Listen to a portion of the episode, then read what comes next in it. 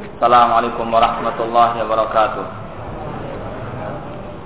إن الحمد لله نحمده ونستعينه ونستغفره ونعوذ بالله من شرور أنفسنا ومن سيئات أعمالنا. من يهده الله فلا مضل له ومن يضلل فلا هادي له. أشهد أن لا إله إلا الله وحده لا شريك له وأشهد أن محمدا عبده ورسوله. يا أيها الذين آمنوا اتقوا الله حق تقاته ولا تموتن إلا وأنتم مسلمون. يا أيها الناس اتقوا ربكم الذي خلقكم من نفس واحدة وخلق منها زوجها وبث منهما رجالا كثيرا ونساء. واتقوا الله الذي تساءلون به والأرحام. إن الله كان عليكم رقيبا. يا أيها الذين آمنوا اتقوا الله وقولوا قولا سديدا. يصلح لكم أعمالكم ويغفر لكم ذنوبكم. ومن يطع الله ورسوله فقد فاز فوزا عظيما.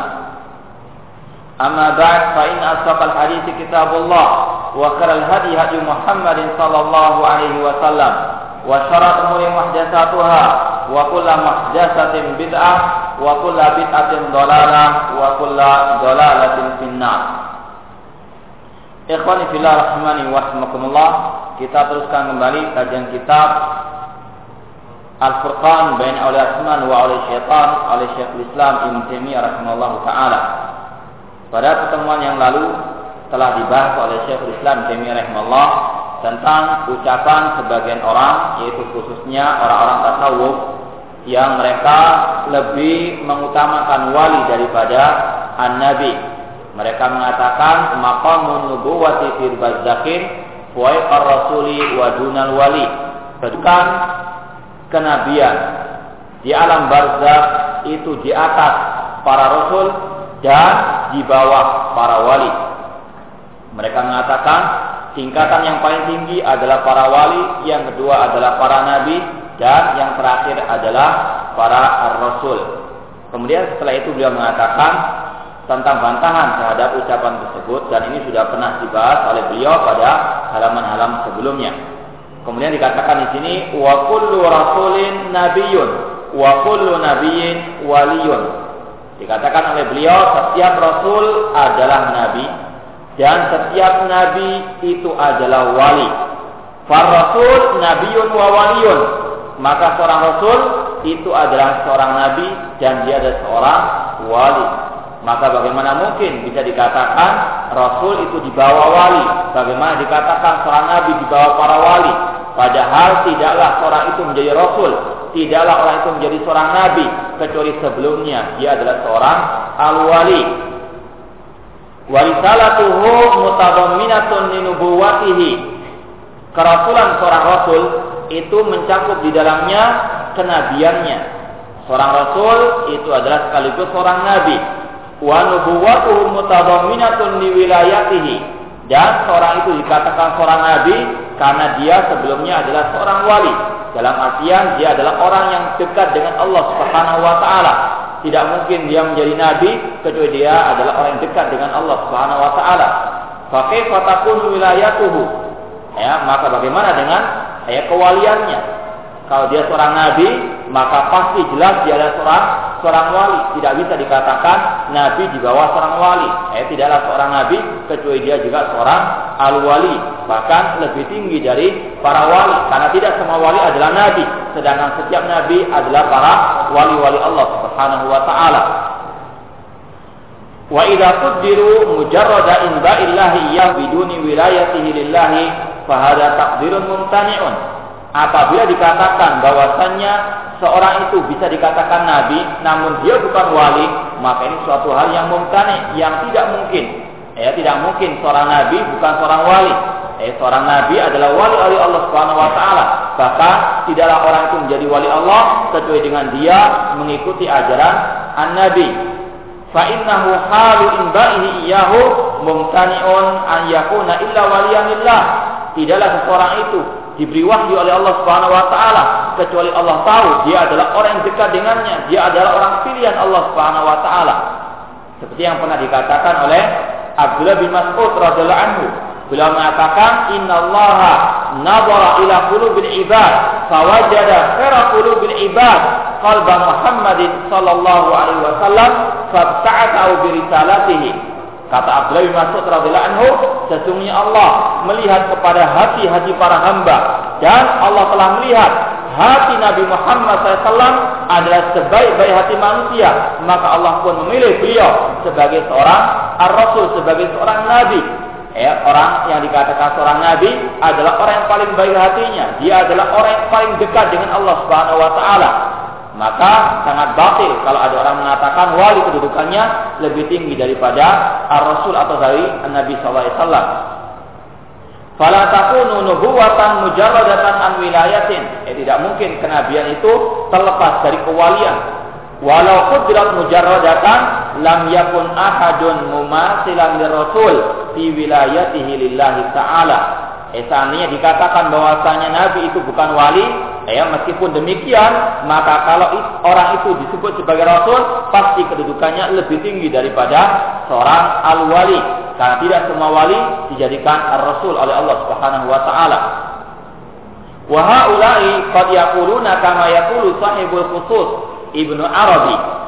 Ya, mereka orang-orang tasawuf yang sudah ekstrim dalam ketasawufannya, mereka mengatakan sebagaimana dikatakan oleh tokoh mereka, pengarang kitab Al-Khusus, eh, Khususun Hikam yang dikarang oleh Ibnu Arabi. Eh, sudah kita jelaskan, bedakan antara Ibnu Arabi tanpa alif lam, Ibnu Arabi dia seorang sufi yang ekstrim dalam kesufiannya, bahkan dikatakan oleh Syekhul Islam nanti pada halaman-halaman berikutnya dia adalah termasuk min malahidatil fal min malahidatil sufiyah atau min malahidatil falsafah. Eh termasuk orang-orang yang sangat ateis.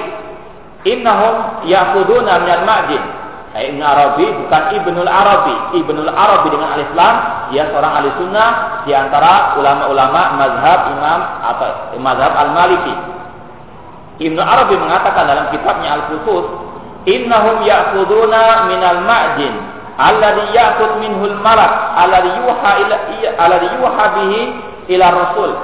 Kata Ibnu Arabi bahwasanya para wali-wali itu mereka mengambil ilmu dari sumbernya ya yang asli yaitu langsung dari Allah Subhanahu wa taala. Eh sebagaimana malaikat itu mengambil wahyu dari Allah kemudian diturunkan kepada kepada rasul Ya, kalau para wali langsung bersambung dengan Allah Subhanahu wa taala tanpa perantara mereka, makanya mereka dikatakan lebih tinggi derajatnya ya daripada seorang nabi dari seorang rasul. Rasul mengambil wahyu lewat perantara Jibril, sedangkan mereka para wali ya ini menurut kedustaan mereka, menurut kebohongan mereka itu langsung mengambil dari Allah Subhanahu wa taala. Haddatsani qalbi ar-rabbi mereka mengatakan hatiku menceritakan langsung dari dari Rabbku. Eh, padahal bukan Allah yang membisikkan, namun asyaitan yang membisikkan ke dalam hati mereka tentang ya wahyu-wahyu yang dusta tersebut. Wadzalika annahum ittaqadu aqidatan malaikati multafalsifah. Ya, mereka orang-orang sufia ini, di sini Syekhul Islam Taimiyah rahimahullah ingin menjelaskan kepada kita semuanya tentang kemiripan antara kelompok sufia dengan kelompok filsafat, ya, filsafat Yunani atau yang mengikuti ajaran mereka. Mereka mengatakan bahwasanya atau mereka meyakini tentang akidah, ya, kelompok filsafat. Summa akhrajuha fi qalibil mukasyafati. Kemudian mereka merubahnya, mereka ya merenovasinya menjadi bentuk al-mukasyafah. Eh, kalau kelompok filsafat itu mereka mengatakan wahyu itu bisa langsung diperoleh ya tanpa melalui perantara malaikat. Demikian pula kelompok sufi yang mengatakan bahwasanya mereka bisa melakukan penyingkapan, langsung bisa bertatap muka dengan Allah, berdialog langsung dengan Allah Subhanahu wa taala. Wa dzalika anna al-mutafalsifa alladzina qalu. Ya, di sini kemudian Syekhul Islam ingin menjelaskan sedikit tentang bagaimana kekufurannya kelompok filsafat, ya khususnya filsafat Yunani dan yang mengikuti ajaran mereka. Wa dzalika anal mutafalsifa alladzina qalu. Ya, yang demikian itu dikarenakan kelompok filsafat, ahli-ahli filsafat atau para filosof, mereka mengatakan innal aslaka qadimatun azaliyah. Sesungguhnya planet-planet atau bintang-bintang itu ada dengan sendirinya tanpa adanya pencipta selain Allah Subhanahu wa taala. Ini yang disebut oleh para ulama dalam kitab-kitab akidah dengan istilah idamul alam ya bahwasanya sebagian kelompok filsafat atau filosof itu kafir dikarenakan mereka meyakini alam semesta ini atau planet-planet yang ada ini itu tercipta dengan sendirinya. Azaliyatun qadimah, artinya sudah ada sejak jauh kala sebelum adanya sang pencipta dan tidak diciptakan oleh Allah Subhanahu wa taala. Laha illatun tatasabbahu biha. Ya. Planet-planet yang ada, bintang-bintang yang ada itu mereka katakan satu sama lain saling mempengaruhi. Ya, muncul satu ya planet kemudian satu tercipta dikarenakan pengaruh planet yang pertama ini. Demikianlah satu dengan yang lainnya saling tercipta dengan sendirinya tanpa adanya sang pencipta yaitu Allah Subhanahu wa taala. Eh, mereka lebih kufur daripada kaum al-musyrikin zaman jahiliyah. Ya, kelompok musyrikin zaman jahiliyah masih mengakui Allah sang pencipta, Wala in sa'altahum man khalaqahum la yaquluna Allah. Wala in sa'altahum man khalaqa samawati Allah. Apabila engkau Nabi Muhammad bertanya kepada orang-orang musyrikin, siapa yang menciptakan mereka? Siapa yang menciptakan langit dan bumi? Serentak mereka menjawab, Allah Subhanahu wa taala. Namun kelompok filsafat, ya, para filosof mereka mengatakan bahwasanya alam semesta ini tercipta dengan sendirinya, satu antar satu dengan yang lain saling mempengaruhi terciptanya yang lainnya. Kama yaqulu Aristo wa asba'u. Sebagaimana hal ini dikatakan oleh Aristo yang disilakan dengan Aristoteles dan para pengikutnya. Yang mana sebagian kaum muslimin terkadang bangga dengan ya, filosof seperti ini. Padahal dia adalah orang yang kafir, tidak mengimani Allah sebagai pencipta alam semesta ini. Eh maka seorang muslim harus tahu tentang akidahnya, harus tahu siapa eh tokoh-tokoh kaum muslimin dan harus tahu siapa kawan, siapa lawan awaluha mujibun bidzatihi. Ya, Aristo atau Aristoteles mengatakan dan pengikutnya bahwasanya ayat yang pertama dari planet-planet tersebut itulah yang tercipta dengan sendirinya. Awaluha mujibun bidzati. Dia tercipta dengan sendirinya tanpa ada sang pencipta. Kama yaqulu mutaakhiruhum dan hal ini diikuti oleh orang-orang yang mengaku sebagai seorang muslim eh, dan mengikuti ajaran filsafat tadi ka Ibnu Sina seperti Ibnu Sina. Atau dalam istilah latinnya Avicenna ya dia banyak dikafirkan oleh para ulama ahli sunnah karena memiliki banyak keyakinan yang kufur. Ya bahkan Imam Ghazali sendiri yang mana Imam Ghazali juga terpengaruh dengan filsafat dia mengkafirkan Ibnu Sina karena filsafatnya yang sangat ekstrim. Itu disebutkan oleh para ulama bahwa Ibnu Sina kata Ibnu Katsir dalam kitabnya Bidayah wa bahwasanya Imam Al Ghazali itu mengkafirkan Sina dikarenakan tiga hal. Dikarenakan Ibnu Sina mengatakan kidamul alam, bahwasanya alam tercipta dengan sendirinya tanpa adanya sang pencipta. Kemudian yang kedua, bahwasanya ya mereka mengingkari tentang akhirat, ya. Ma'adu al al jusmani tentang masalah akhirat sebagaimana keyakinan orang musyrikin jahiliyah. Dan yang ketiga tentang masalah kenabian nanti akan dijelaskan.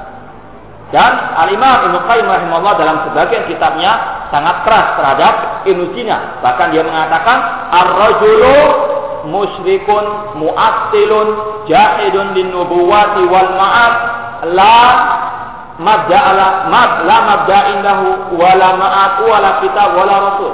Imam mengatakan tentang Ibnu Sina atau Abi Sina bahwasanya Ibnu Sina ini adalah orang yang musyrik ya Orang yang mu'atil, yang ateis. Jahidun di nubuwah. Tidak mengakui tentang kenabian. Dan dia mengingkari tentang akhirat. Ya.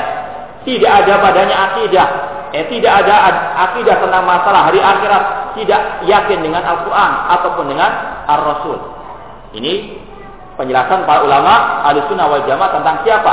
Imusina atau Afisina yang juga banyak digandrungi oleh sebagian kaum muslimin, para cendekiawan padahal dia banyak dikafirkan oleh para ulama Ahlussunnati wal Jamaah. Ya. Wa amsalihi dan yang semisal dengannya.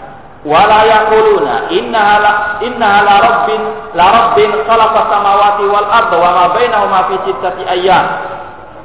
Mereka kelompok filsafat ini mereka meyakini bahwasanya bintang-bintang planet-planet tersebut itu tidak diciptakan oleh Rob yang menciptakan langit dan bumi dan yang menciptakan apa yang ada di antara keduanya dalam enam hari. Wala khalaqal asya'a bimasyiati wa.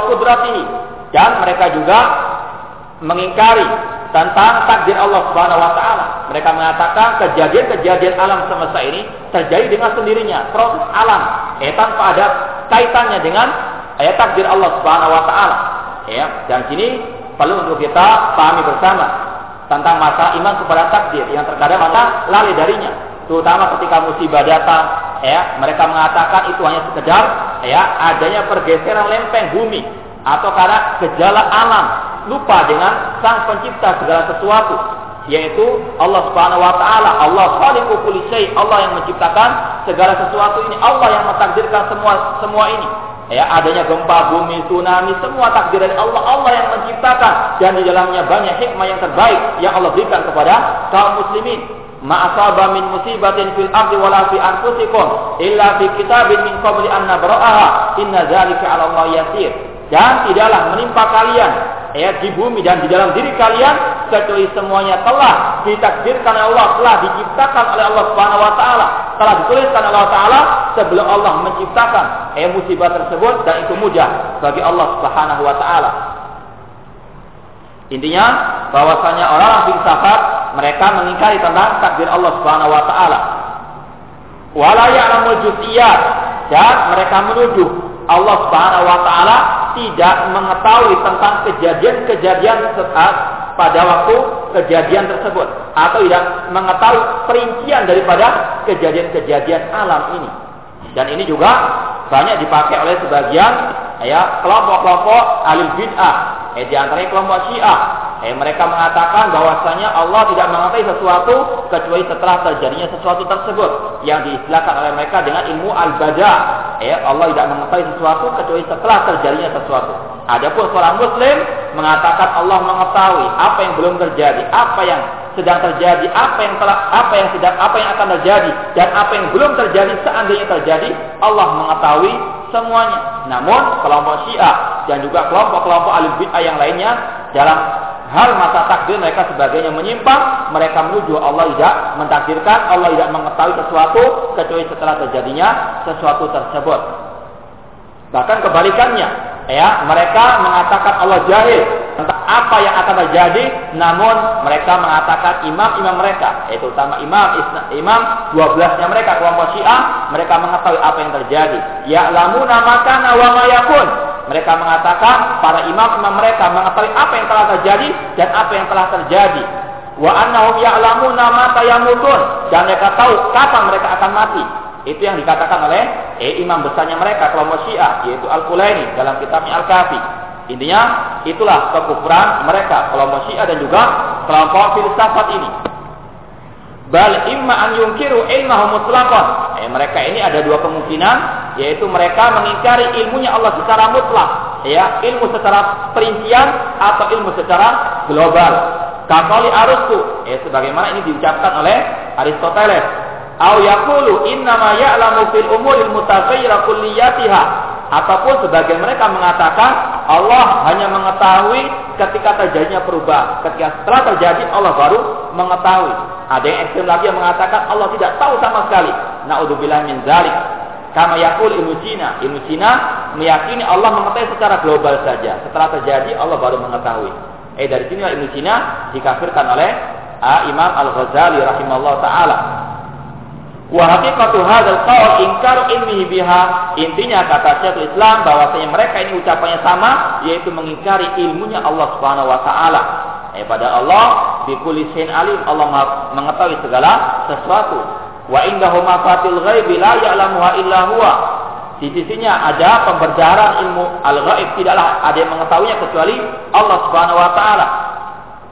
Wa ma tasqutu min waraqatin illa ya'lamuha. Tidaklah dedaunan berguguran kecuali Allah mengetahui kapan gugurnya, berapa yang berguguran, ke mana dia berserakan. Ya Allah mengetahui semuanya. Namun itulah kekufuran kelompok ya filsafat. Wa haqiqatu hadzal qaul inkar ilmihi biha.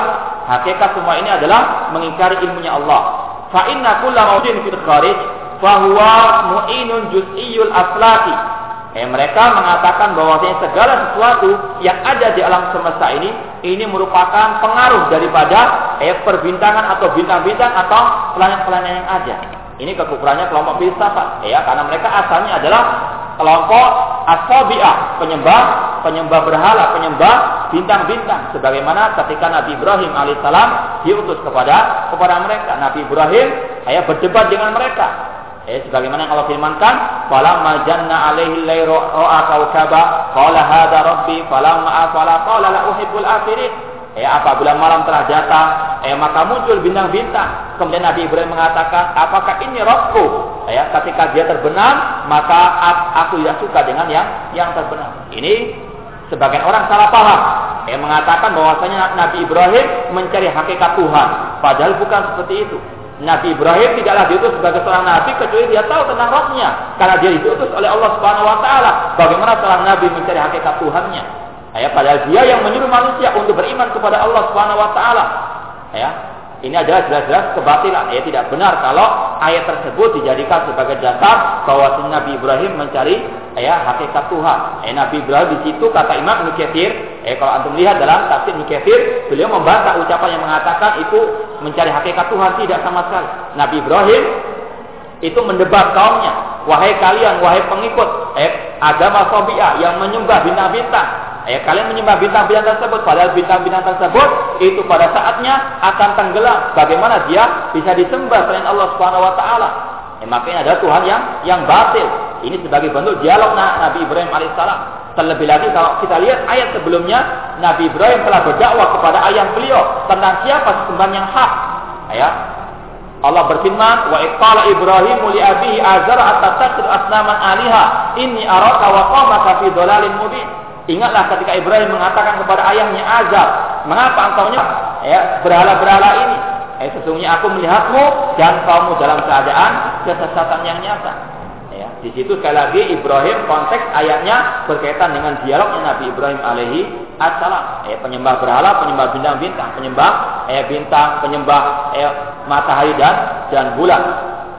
Mereka mengatakan bahwasanya bintang-bintang itulah, planet-planet itulah yang ya mempengaruhi kejadian-kejadian alam semesta ini tanpa ada takdir dari Allah Subhanahu wa taala. Wal asla kullu minha mu'inun juz'iyyun dan setiap bintang-bintang itu saling mempengaruhi satu sama lain ya. Seperti kita katakan tadi, mereka meyakini tercipta satu bintang atau satu planet, kemudian tercipta yang kedua, yang kedua ini tercipta dari yang satu, kemudian yang ketiga dan seterusnya.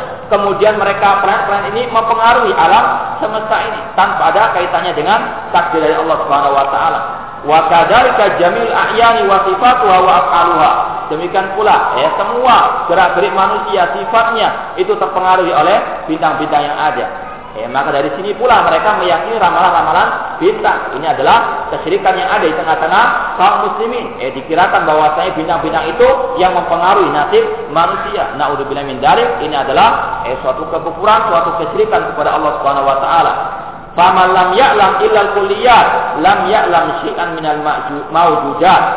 Eh dikatakan oleh Syekhul Islam Taimiyah rahimahullah, kalau mereka mengatakan Allah tidak mengetahui eh kejadian secara global, berarti Allah tidak mengetahui sesuatu pun yang ada di atas muka bumi ini. Wal kulliyat innama tujad kulliyatun fil adhan la fil a'yan. Eh, sesuatu yang secara global itu ada dalam eh, benak manusia, tidak ada dalam kejadian yang nyata. Artinya kalau suatu yang nyata itu pasti terperinci. Eh, kalau orang mengatakan Allah tidak mengetahui secara global, berarti intinya Allah tidak mengetahui segala yang yang ada di atas muka bumi ini. Wal kalam ala haula'i mabsutun fi mawdi'in akhar. Eh, pembicaraan tentang masalah mereka kelompok filsafat ini atau tokoh filsafat yang kufur ini ini sudah dijelaskan dalam tempat yang lain yaitu dalam kitab Syekhul Islam Taimiyah rahimahullah yang berjudul Dar'u Ta'arudil Akal wan Nakal tentang bagaimana ya menggabungkan antara nakal Al-Qur'an dan Sunnah dengan ya, akal manusia. Ya karena dia akan mungkin bertentangan antara akal dan nakal. Al-Qur'an Allah turunkan dan akal diciptakan oleh Allah Subhanahu wa taala. Kalau ada pertentangan, akal yang harus ditinggalkan. Kita memegang Al-Qur'an dan Sunnah Rasul sallallahu alaihi wasallam. Syekhul Islam telah membahas dengan ya rinci tentang ya siapa para filosof-filosof yang kufur tersebut. Eh, dan beliau adalah pakarnya, pakar dalam membantah ahli bidah, pakar dalam membantah ahli ahli filsafat. Eh, buku-buku beliau sebagai saksi akan hal tersebut. Wahiri dan di dalam kitab-kitab yang lainnya. Fa inna kufra haula'i a'dhamu min kufril yahudi wa nasara. Eh kekafiran orang-orang filsafat itu lebih ya besar, lebih berbahaya daripada kekufuran kelompok Yahudi dan An-Nasara. Eh, di antara yang membuktikan akan hal itu, Eh kalau kita eh, lihat fenomena kaum muslimin, eh berapa banyak manusia yang terpengaruh dengan ilmu filsafat, ya. Mereka belajar ilmu filsafat, bangga dengan ilmu filsafat. Dikatakan filsafat Islam, filsafat ini dan itu. Eh bangga dengan istilah filsafat, padahal itu adalah kufur, padahal itu adalah istilah-istilah orang kafir dan banyak ulama yang mencela bahkan eh tokoh-tokoh filsafat sendiri ketika mereka mau meninggal dunia mereka ya mengakui tentang kesalahan mereka. Mereka banyak yang bertobat dari kayak ilmu filsafat tersebut. Eh menyesal mereka mengapa mereka belajar filsafat. Eh di antara yang terkenal adalah seorang yang bernama Ar-Razi. Ya, dia mengatakan nihayatu ikjamil ukuli iqalu wa ghayatu sa'il alamina dhalal. Ya, puncak daripada mengandalkan akal itu adalah kebingungan. Ya. Dan ghayatu sa'il alamina dhalal dan puncaknya ya, usaha manusia di muka bumi adalah kesesatan. Ya, kalau mereka sudah sampai puncak filsafat yang ada apa?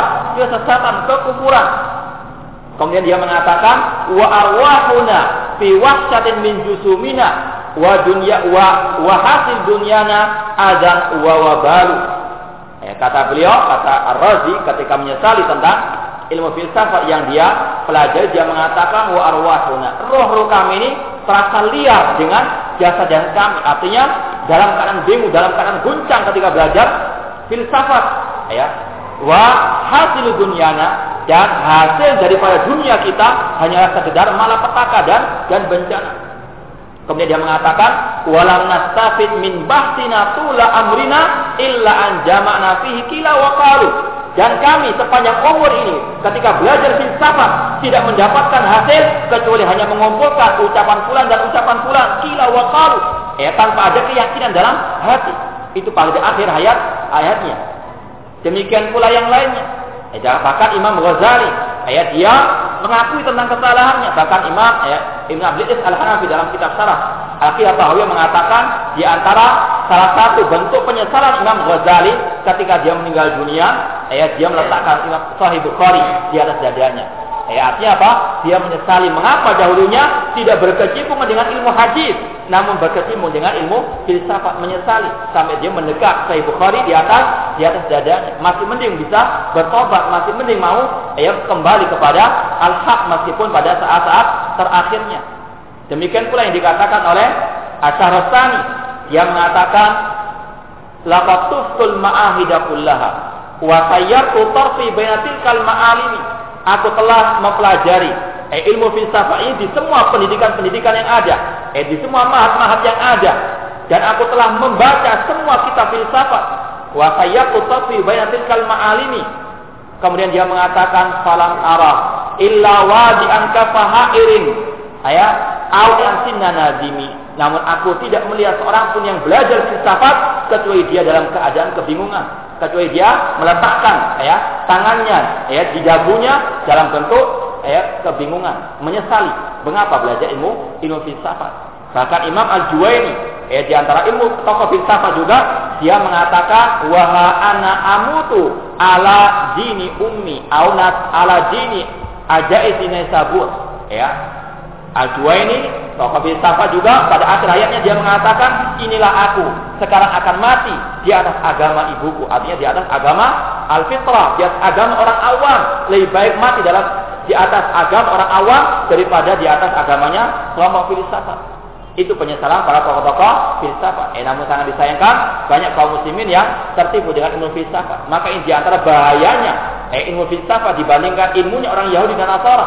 Eh, kalau orang Muslim eh insya Allah banyak yang lari daripada ilmunya orang Yahudi ataupun Nasara. Tidak mau belajar Taurat ataupun Injil. Jelas-jelas kufur.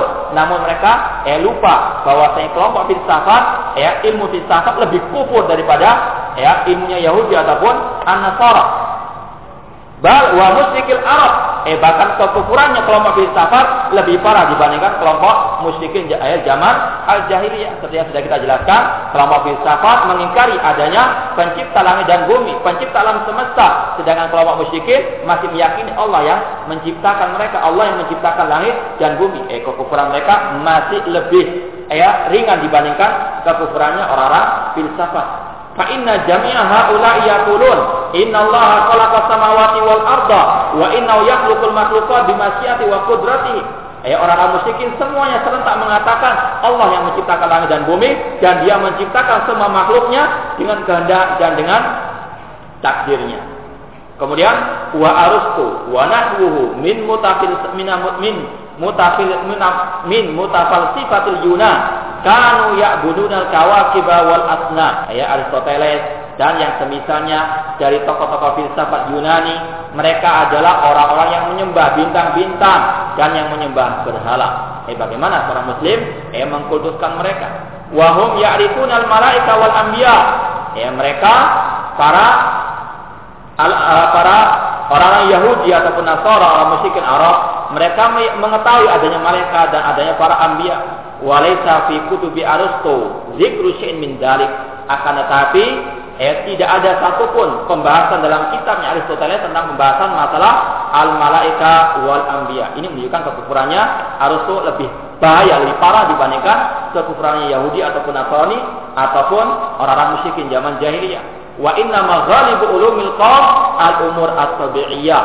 Akan tapi kebanyakan mayoritas ilmunya kelompok filsafat berkaitan dengan ilmu tentang masalah kejadian alam ya tentang gejala-gejala alam. Satu sama lain saling mempengaruhi satu sama lain saling menciptakan yang lainnya tanpa ada keterkaitan dengan Allah Subhanahu wa taala. Wa amal umur ilahiyah fakala fiha qalilus shawab adapun pembicaraan mereka tentang masalah ketuhanan eh tentang masalah sesembahan eh tentang ucapannya kelompok filsafat ini sedikit kebenarannya. Kasirul khata banyak kesalahannya wal yahudu wan nasara ba'da naskhi wa tabdili a'lamu bil ilahiyati minhum bi katsir ya. Orang Yahudi orang Nasara meskipun mereka telah menyimpang dari ajarannya mereka lebih tahu tentang sesembahan Allah Subhanahu wa taala dibandingkan orang-orang filsafat orang filsafat tidak tahu tentang Allah mereka adalah orang-orang ateis sedangkan orang Yahudi masih mengetahui meskipun mereka ya mengucapkan ucapan yang jelek kepada Allah Subhanahu wa taala Wa qalatil yahudu yadullahi. Orang Yahudi mengatakan tangan Allah terbelenggu. Masih penting mereka mengenal Allah Subhanahu wa taala. Iblis masih mengenal Allah Subhanahu wa taala lebih baik iblis daripada kelompok filsafat tersebut yang tidak mengetahui, yang mengingkari adanya al-ilah. Iblis mengatakan fa bi izzari la ughwiyannahum ajma'in. Ya Allah, ya dengan izahmu, dengan kemuliaanmu masih meng, eh, mengikrarkan tentang kemuliaan Allah Subhanahu wa taala. Ya, adapun ahli filsafat mereka sangat ya, menjauhkan diri dari ya, Allah Subhanahu wa taala. Ya, bahkan pernah sampai terlintas ya, dalam ucapan-ucapan mereka yang ya mungkin tidak sampai orang mukmin mengatakannya. Ya, mereka mengatakan Allahu Akbar sebagaimana ya, dikatakan anjing al-akbar. Naudzubillah min dzalik. Ya, ini adalah kekufurannya mereka. Ya, terkadang akal tidak sampai bagaimana mereka yang menyatakan ya muslim, cendekiawan muslim, ya tempat-tempatnya, ya dengan teganya mengatakan seperti itu kepada Allah Subhanahu wa taala. Ya. Oleh karena itulah seorang muslim wajib waspada terhadap bahaya-bahaya kelompok filsafat tersebut. Walakin mutaakhiruhum ka Sina wa ghairihi aradu an yulfiqu baina kalami ulaika wa baina ma ja'at bihi rusul. Akan tapi Ibnu Sina ya orang-orang terakhir dari kelompok-kelompok filsafat ini itu kalau Aristoteles dan sebagainya ini memang asalnya adalah penyembah berhala. Cuma Ibnu Sina karena dia ini adalah orang yang menisbatkan dirinya kepada eh kepada Islam. Ini yang lebih berbahaya lagi, ya. Dan dijadikan sebagai cendekiawan muslim. Dia dikatakan sebagai tokoh kaum muslimin yang berjasa terhadap Islam padahal dia adalah orang yang sangat jahat terhadap terhadap Islam. Eh bahkan disebutkan oleh para ulama di Ibnu Qayyim juga dia adalah seorang yang mengikuti ajaran Al-Batiniyah. Ya, salah satu sekte Syiah yang pernah kita ceritakan bagaimana kekejaman mereka ketika membantai kaum muslimin di Ka'bah, membuang jasa-jasa mereka di di, di sumber Zam-Zam. Eh dan tokoh mereka yang bernama Abu Tahir yang mana Imam Mukathir mengatakan dia bukan Abu Tahir namun dia Abu Najis karena dia melecehkan Allah Subhanahu wa taala. Dia mengatakan di mana Allah? Aina Allah? Ya. Dia menantang Allah Subhanahu wa taala. Eh di antara ya ajarannya Ibnu Sina itu adalah ajarannya Al-Batiniyah. Kelompok atau sekte dari Syiah yang sepakat ulama mengatakan kelompok batini adalah kelompok kelompok yang asalnya adalah Yahudi dan dan Majusi. Nah, Ibnu Sina ini ingin mengkolaborasi, menggabungkan antara ajaran filsafat Yunani dengan ajaran para ar-rusul. Digabungkan antara filsafat dengan ajaran para para rasul. Ya, padahal Allah mengatakan wala talbisul haqqo bil batil. Janganlah kalian minta meradukan antara hak dengan yang batil. Fa'aqadu asya min usul Jahmiyah wal Mu'tazilah. Dia mengambil ajaran-ajaran kelompok Jahmiyah dan kelompok Al-Mu'tazilah. Eh, semuanya termasuk kelompok sesat dan menyesatkan.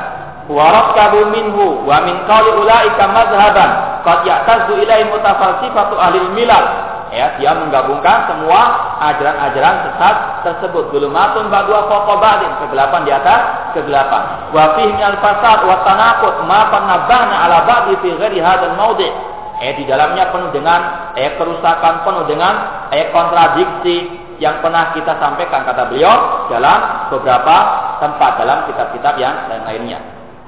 Kemudian dikatakan di sini wa ulai lamma ra'au amr rasuli كموسى وعيسى ومحمد صلوات الله عليهم أجمعين قد ظهر العالم واعترفوا بأن الناموس الذي بعث به محمد صلى الله عليه وسلم أعظم ناموس طرق العالم ووجدوا الأنبياء fadzakarul al malaika wal jinna aradu an yajma'u baina dzalik wa baina aqwali salafihim al yunan mereka kelompok filsafat dari kalau kaum muslimin ya mereka ketika melihat bagaimana keadaan para rasul Nabi Musa, Nabi Isa, Nabi Muhammad SAW yang telah menguasai alam semesta ini. Dan mereka meyakini ya, kelompok filsafat ya, yang mengaku sebagai kelompok muslimin mereka mengakui bahwasanya Jibril alaihissalam ya malaikat yang diutus kepada Nabi Muhammad SAW itu merupakan semulia-mulia malaikat yang juga mengguncangkan alam semesta ini. Wawajadul anbiya fadzakal malaikat wal jin. Kelompok filsafat dari eh, kelompoknya Ibnu Sina dan KS ini mereka mengetahui bahwa para ambia itu semuanya menyebutkan adanya malaikat, adanya jin. Nah, mereka ingin menggabungkan eh, antara ucapannya para nabi yang berkaitan dengan malaikat, yang berkaitan dengan jin dengan ucapannya orang-orang filosof. Eh, orang filosof itu di antara keyakinannya mereka ya beriman dengan yang gaib. Mereka hanya beriman dengan yang ada, yang bisa dipanca indera. Ya. Mereka ingin menggabungkan malaikat nggak bisa dilihat, jin nggak bisa dilihat ya maka bagaimana menggabungkan antara ucapannya kelompok filsafat Yunani yang mengingkari hal-hal gaib seperti malaikat dan lainnya dan menggabungkan dengan ajaran para ambia yang menetapkan adanya para malaikat dan para ambia yang mana mereka mengatakan akhirnya ya siapa? Kelompok filsafat eh, dari kaum muslimin Ibnu dan selainnya mereka mengatakan malaikat itu ya betul. Namun itu adalah khayalannya Nabi Muhammad Shallallahu Alaihi Wasallam. Nanti kita akan jelaskan bahwasanya seorang nabi itu dia bisa eh, siapa pun bisa menjadi nabi, ya. Dengan dia banyak eh, melakukan eh, pertapa atau semedi atau dia dengan beribadah yang lain yang banyak. Dan syarat seorang nabi itu tiga, yaitu dia harus memiliki ya kekuatan ilmu artinya zakat kecerdasan. Kemudian dia harus memiliki kuat takjil, kuat untuk berkhayal, eh, dihayalkan adanya adanya malaikat, adanya surga neraka untuk eh, istilahnya bujuk-bujuk manusia agar mereka apa mengikuti perintahnya. Ya, padahal adalah koyal semuanya. Ya, ini semuanya apa? Ingin untuk menjamakkan antara hak dengan batil, keluarnya apa? Kebatilan yang ada. Katakan oleh Syekh di sini, alladzina hum abadul khalqi an ma'rifatillah wa malaikati wa kutubi wa rusuli wal yaumil akhir. Ibnu Sina CS-nya ini ingin menggabungkan ucapan para ambiya wa rasul dan ucapan salafnya mereka ya. Mereka punya salaf ya, namun salafnya orang kafir. Eh salafuhumul Yunan yang mana mereka orang-orang Yunani orang filsafat Yunani ini sangat jauh daripada mengenal Allah. Jauh mengenal para mereka tidak mengenal kitab Allah tidak mengenal para rasul-rasul Allah tidak mengenal hari akhir wa ulaik wa ulaika qad asbatu uqulan asratan. Mereka kelompok filsafat Yunani menetapkan adanya akal 10 atau 10 akal. Ini nanti akan dijelaskan apa maksud akal. Ya, akal yang dimaksud oleh kelompok Yunani ini berbeda dengan maksud akal yang dimaksud oleh oleh seorang muslim. Yusamuna al-mujarradat wal mufariqat. Ya, dan mereka menamakan dengan istilah al-mujarradat al-mufariqat. Ya, kalau kita ya telit ya sepintas saja membaca ucapan-ucapan filsafat yang ada ada kebingungan ya mereka kelompok filsafat itu adalah orang yang paling bingung di dunia Ya, mereka sendiri terkadang tidak paham apa yang mereka ucapkan. Yang penting apa? Mengucapkan. Yang penting bangga dengan dengan filsafat. Ya, seperti yang kita sampaikan tadi, berapa banyak di antara tokoh-tokoh filsafat pada akhir hayatnya apa? Menyesal, tidak ada keyakinan sama sekali.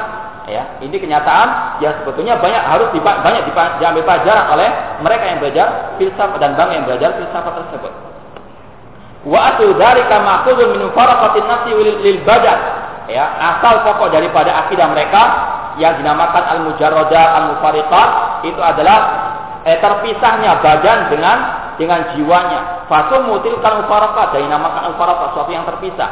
Limufaraqatiha al-mada dikarenakan berpisah dengan ya, zat yang ada atau badan. Ini istilah-istilah yang ya tidak ya yang sangat susah sebetulnya untuk dijelaskan. Ya, mereka sendiri terkadang susah menjelaskan ya karena mereka sebetulnya adalah orang-orang yang tidak beriman dengan Al-Quran maupun Sunnah Rasulullah SAW. Eh, maka juga kita terkadang susah menjelaskan karena alhamdulillah kita diselamatkan Allah daripada ilmu filsafat. Ya. Mujarradatun litajarudi anha wa asbatu lil akhlaq. Intinya di sini mereka ingin menetapkan bahwasanya Bintang-bintang planet-planet itulah yang mempengaruhi alam semesta. Likuli falakin nafsan. Setiap planet memiliki suatu jiwa. Wa aksarum ja'aluha a'rada. Eh, sebagai mereka mengistilahkan dengan istilah a'rad. Sebagai lagi mengatakan jawahir. Ini istilah-istilah apa? Kelompok sufi yang tidak pernah ada dalam Al-Quran. Sunnah Rasul Sallallahu Alaihi Wasallam. Wahadil mujarradatul lati asbatuha tarji indal tahqiq ila umurin mawjudatin fil azhar, la fil a'yan. Kata Syekhul Islam Taimiyah rahimahullah bahwa ucapan-ucapan mereka ini sebetulnya hanya ada pada pada akal semata, ya tidak ada pada kenyataan.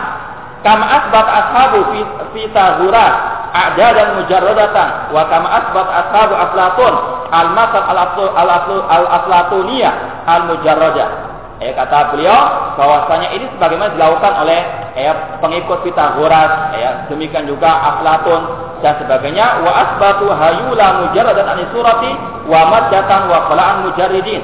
Mereka mengatakan bahwasanya ada hal-hal yang mempengaruhi alam semesta ini, namun tidak ada gambarannya, tidak ada sifatnya, tidak ada sama sekali. Ya, intinya apa? Mereka menetapkan sesuatu yang tidak ada sebetulnya, namun mereka hanya sekadar apa? Ya, eh, mengobrol mengobrol ucapan. Ya, oleh karena itulah istilah lain daripada filsafat adalah apa? Ilmu kalam. Ya, ilmu kalam artinya cuma sekedar kalam kok, ya, cuma ngomong kok. Ya, tidak ada dalil, tidak ada apa hakikatnya. Wa qaitara dan tokoh-tokoh mereka telah meyakini, mengakui akan hal seperti ini. Bahwasanya mereka hanya berbicara dengan dengan khayalan mereka. Ya, tidak ada kenyataan, tidak ada bukti, tidak ada dalilnya. Bi anna dzalika innama yatahaqqaqu fil adham la fil a'yan. Eh, tidak ada dalam realita. Falamma arada haulal mutaakhirun minhum kamisina an yuthbita aman nubuwa ala asulih al fasida za'amu anna nubuwa laha khasaisu salasa. Eh dari sinilah eh mereka kelompok Ibnu Sina ini ingin untuk menetapkan adanya kenabian namun di atas keyakinan mereka yang sangat batin, yang sangat rusak, mereka mengatakan bahwasanya anubuwa, kenabian itu memiliki tiga kekhususan. Ya, Manitasafa biha bahwa nabiun. Barang siapa yang memiliki tiga perangai ini, kekhususan ini, maka dia sebagai seorang nabi. Ini keyakinannya kelompok filsafat, ilmu Sina dan yang lainnya. Ada orang mukmin, seorang muslim, seorang ahli sunnah meyakini bahwasanya kenabian itu adalah istifaun minallah, pilihan dari Allah Subhanahu wa taala. Tidak semua orang bisa melakukannya atau tidak semua orang bisa memperolehnya. Itu hanya orang pilihan dari Allah Subhanahu wa taala. Sebagaimana Allah berfirman, "Innallaha astafa minal malaikati rusulan wa minan nas." Sesungguhnya Allah yang memilih ya, para rasul dari kalangan malaikat dan dari kalangan manusia. Ya, tidak dengan apa? Ritual-ritual tertentu kemudian menjadi seorang seorang nabi. Ia menjadi seorang nabi namun nabi yang palsu, ya, nabi yang kadzab, ya. Namun nabi yang betul-betul seorang nabi Allah Subhanahu wa taala yaitu hanyalah pilihan dari Allah Subhanahu wa taala. Ya, tidak bisa dengan ya, cara sendiri. Yang pertama, kata Ibnu Sina, antakuna lahu quwwatun ilmiah. Seorang nabi itu harus punya kekuatan ilmiah. Yusamunaha al-quwa al-qudsiyah yang dinamakan sebagai kekuatan al-qudsiyah kekuatan yang suci. Yanalu biha al-ilmu atau yunalu biha al-ilmu bila ta'allum. Yang mana dengan itulah seorang bisa mendapatkan ilmu tanpa belajar. Ya ilmu ilmu wangsit dan sebagainya bisikan-bisikan eh dengan semedi dan seterusnya. Eh padahal Nabi mengatakan innamal ilmu beta alum sesungguhnya ilmu itu dengan apa? Dengan belajar. Tidak mungkin. Kayak orang mendapatkan ilmu tanpa tanpa belajar. Namun inilah kekoyalnya kelompok filsafat. Kata mereka, ya kalau orang itu punya kekuatan ilmiah, ya yang dikatakan kekuatan yang suci, itu orang itu akan mendapatkan ilmu tanpa tanpa belajar. Wa an yakuna lahu quwwatun atau takhyuliyah. Ya, seorang nabi itu harus memiliki kekuatan khayal. Ya, Para siapa pintar menghayal, dialah seorang nabi katanya. Takhayalahu ma yuqal fi nafsihi. Seorang nabi itu menghayalkan dalam dirinya eh, sesuatu yang ya bisa mungkin dinalar. Fi haitsu yara fi nafsi suara. Ya, seorang nabi itu menghayalkan bagaimana dia ya melihat sesuatu gambaran-gambaran, eh, melihat bayangannya malaikat, melihat ya bertemu dengan misalnya malaikat, ya berdialog dengan Allah Subhanahu wa taala, Eh, aswata dan dia berkhayal salat dia mendengar suara-suara bisikan-bisikan dari dari malaikat ya. Kama yarahu na'im sebagaimana seorang yang tidur dia dalam mimpinya melihat sesuatu, melihat atau mendengar sesuatu itu diibaratkan ya nabi seperti itu. Nabi ketika melihat malaikat, ketika berdialog, mendapatkan wahyu dari Allah, itu seperti orang yang mimpi. Eh bukan suatu yang yang hakiki, bukan suatu yang kenyataan yang terjadi. Wala wujudun fil kharij namun tidak ada hakikatnya kata mereka. Eh ketika nabi mendengarkan bisikan mereka padahal mereka tidak ada. Itu cuma khayalannya nabi saja. Wa za'amu anna tilka suwar hiya malaikatullah. Eh mereka mengakui atau meyakini bahwasanya yang dikatakan oleh Rasul sebagai orang yang datang kepadanya itu hanya gambaran-gambaran yang sebenarnya bukan malaikat. Wazam anatil kaswar ya malaikat Allah. Para nabi mengaku-ngaku itu adalah malaikat Allah padahal bukan hakikatnya. Watilkal aswar ia kalam Allah. Para nabi itu mengaku-ngaku saja. Itu adalah suara atau wahyu dari Allah Subhanahu wa taala. Ini adalah syarat kedua menjadi seorang seorang nabi. Yang paling berkhayal dia seorang seorang nabi. Kata kelompok filsafat. Wa an yakuna lahu quwwatun fa'alatun yu'athir biha fi hayulil alami. Dan seorang nabi itu harus punya kekuatan mempengaruhi manusia. Ya. Ini syarat yang ketiga, yaitu ya bisa apa? eh mempengaruhi manusia, membujuk manusia agar mengikuti perintahnya, eh diancam dengan api neraka, padahal tidak ada api neraka. Diancam dengan siksa, padahal tidak ada siksa Allah Subhanahu wa taala.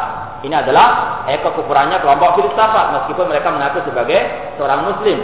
Wa mu'jizatul anbiya wa karamatil awliya wa khawariq as-sahara hiya min quwwal anfus. Mereka menyatakan bahwasanya mukjizat para nabi, karamah para wali, kemudian kekuatan sihir, tukang sihir, itu termasuk kekuatan jiwa. Artinya tidak ada hakikatnya, cuma apa? Kayalah, kemudian bisa mempengaruhi manusia, jadilah karomah, jadilah ayat kenabian, jadilah sih. Ya, mereka tidak meyakini hal-hal yang apa? Yang gaib. Mereka hanya meyakini hal-hal yang bisa dipanca indera. Faqaru min bima yuwafiq usulahum duna qalbil afa hayatan. Eh, mereka meyakini adanya mujizat ya. Namun tidak ada hakikatnya. Mujizat ada namanya namun tidak ada hakikatnya. Ini sekadar apa? Tipu daya para al-anbiya. Contoh misalnya mujizat Nabi Musa alaihissalam ya. Mujizat Nabi Nabi Musa alaihissalam itu sekedar khayal saja.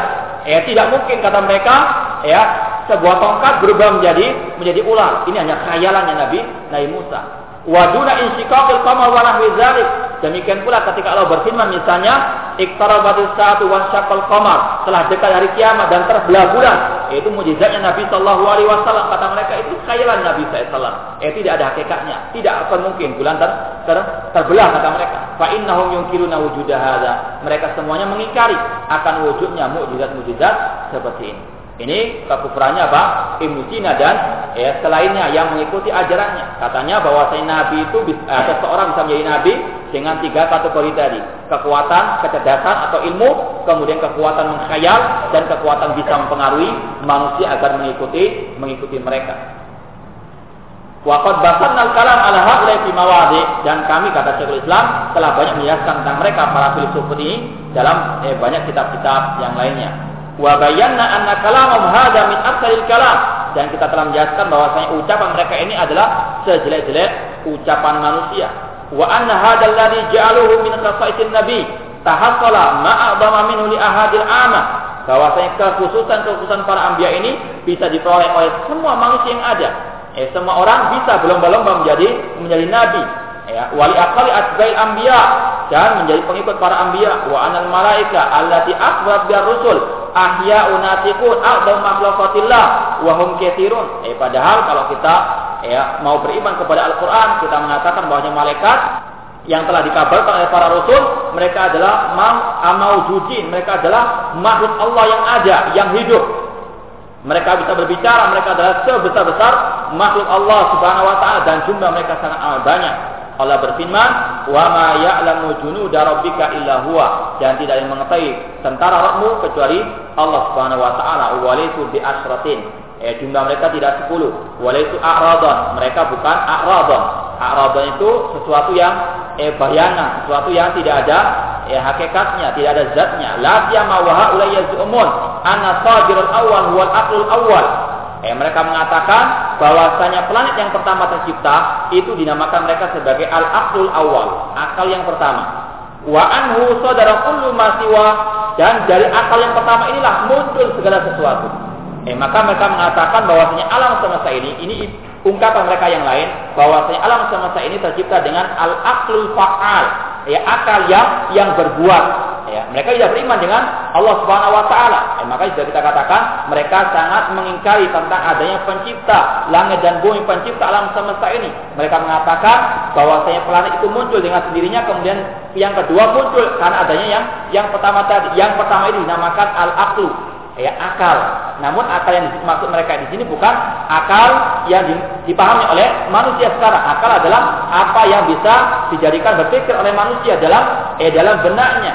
Ya, yang mana akal tersebut tidak bisa berdiri sendiri, namun mereka mengatakan akal itu bisa berdiri sendiri. Oleh karena itulah mereka juga ya mengkultuskan akal mereka.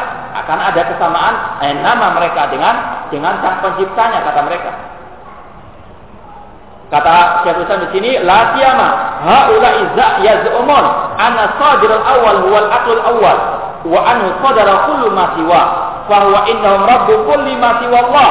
Ya, akal yang mereka kultuskan ini itu mereka katakan sebagai Rabb kulli ma siwa Allah. Eh pencipta segala sesuatu selain Allah Subhanahu wa taala. Eh semua makhluk adalah ciptaan akal. Kadzalika kullu aqlin rabbun lima dunahu dan setiap akal pencipta bagi yang setelahnya. Wal aqlul fa'al al ashir rabbu kulli tahtahu falakul qamar.